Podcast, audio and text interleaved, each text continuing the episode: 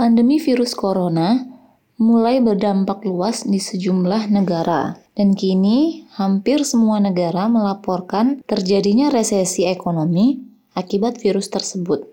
Mulai dari Korea Selatan, Jerman, Singapura, Prancis, Italia, hingga Amerika Serikat, termasuk Indonesia.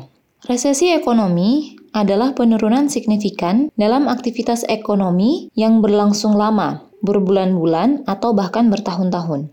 Kata kuncinya adalah penurunan aktivitas ekonomi, mulai dari aktivitas produksi, aktivitas distribusi, dan aktivitas konsumsi. Jadi semisal ada seorang pegawai yang memiliki pendapatan sebesar 1 juta per bulan akan mengalami penurunan pendapatan karena resesi. Dan pada titik ekstrim, pegawai tersebut akan kehilangan pekerjaan. Kenapa? Ketika gaji pegawai turun, maka daya beli juga turun. Yang biasanya bisa beli beras 2 kilo untuk sebulan, jadi cuma bisa beli 1 kilo untuk per bulan. Ketika banyak pegawai yang mengalami kondisi ini, daya beli beras pasti turun, berdampak pada petani. Harga beras akan mengalami anjlok. Pendapatan petani juga akan turun.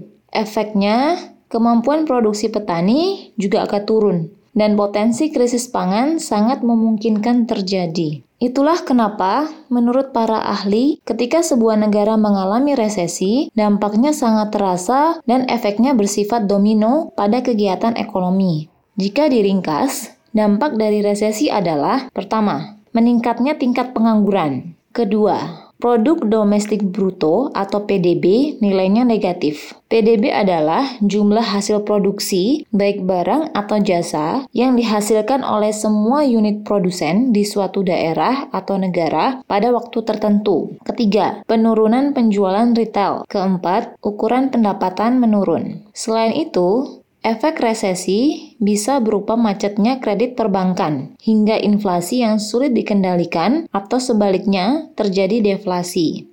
Juga neraca perdagangan yang minus dan berimbas langsung pada cadangan devisa. Dalam skala real, banyak orang kehilangan rumah karena tak sanggup membayar cicilan, daya beli melemah. Lalu, akan banyak bisnis terpaksa harus gulung tikar.